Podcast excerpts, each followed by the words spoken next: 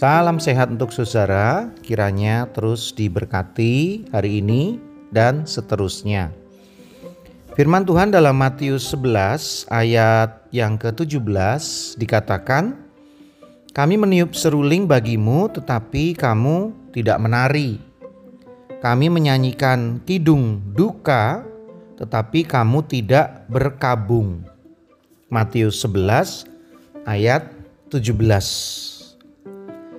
Perikop yang kita baca ini adalah salah satu perikop penting kalau ada seseorang bertanya tentang keilahian Yesus, tentang ketuhanan Yesus. Salah satu jawabannya adalah Matius 11 ayat 2 terus sampai ayat yang ke-19.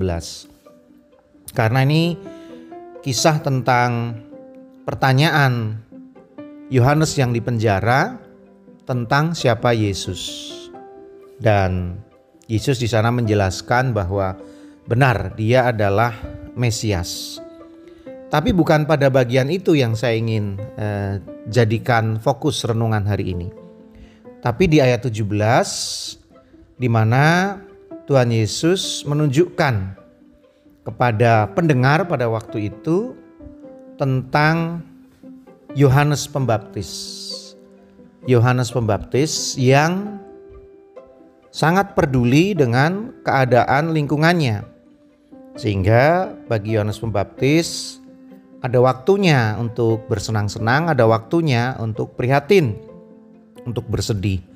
Dan Yohanes Pembaptis tahu persis saat ini waktunya untuk prihatin karena keadaan dan situasi yang buruk.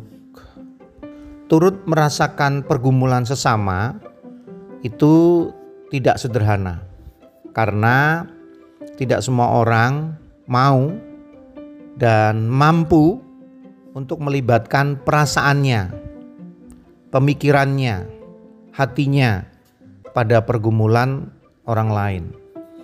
Ada sebuah film yang berjudul Inside Out. Ini film kartun.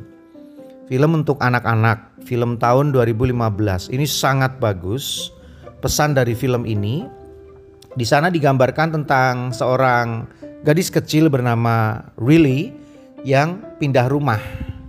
Nah, di dalam diri Riley itu ada berbagai macam perasaan seperti kita juga ada joy, ada fear, ada anger, ada disgust, ada sadness dan perasaan-perasaan ini eh, ingin merasakan suasana baru.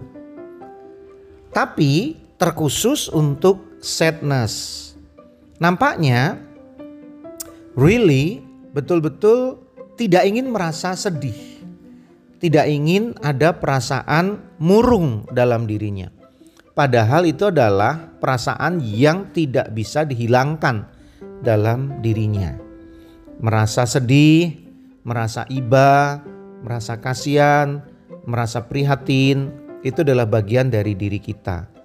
Tidak apa-apa untuk diungkapkan, tidak apa-apa untuk ditunjukkan dan film itu bercerita bahwa pada akhirnya orang membutuhkan dikasihani. Orang membutuhkan mengerti pada saat dia memang mengalami kesedihan.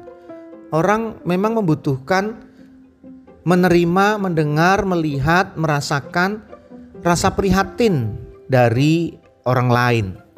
Jadi artinya ketika ada yang berduka, mari kita ikut berduka. Ketika ada yang bersedih, mari kita ikut bersedih. Ketika ada suasana yang tidak menyenangkan, mari kita turut prihatin. Hanya bedanya perasaan itu tidak menambah beban bagi orang yang mengalaminya.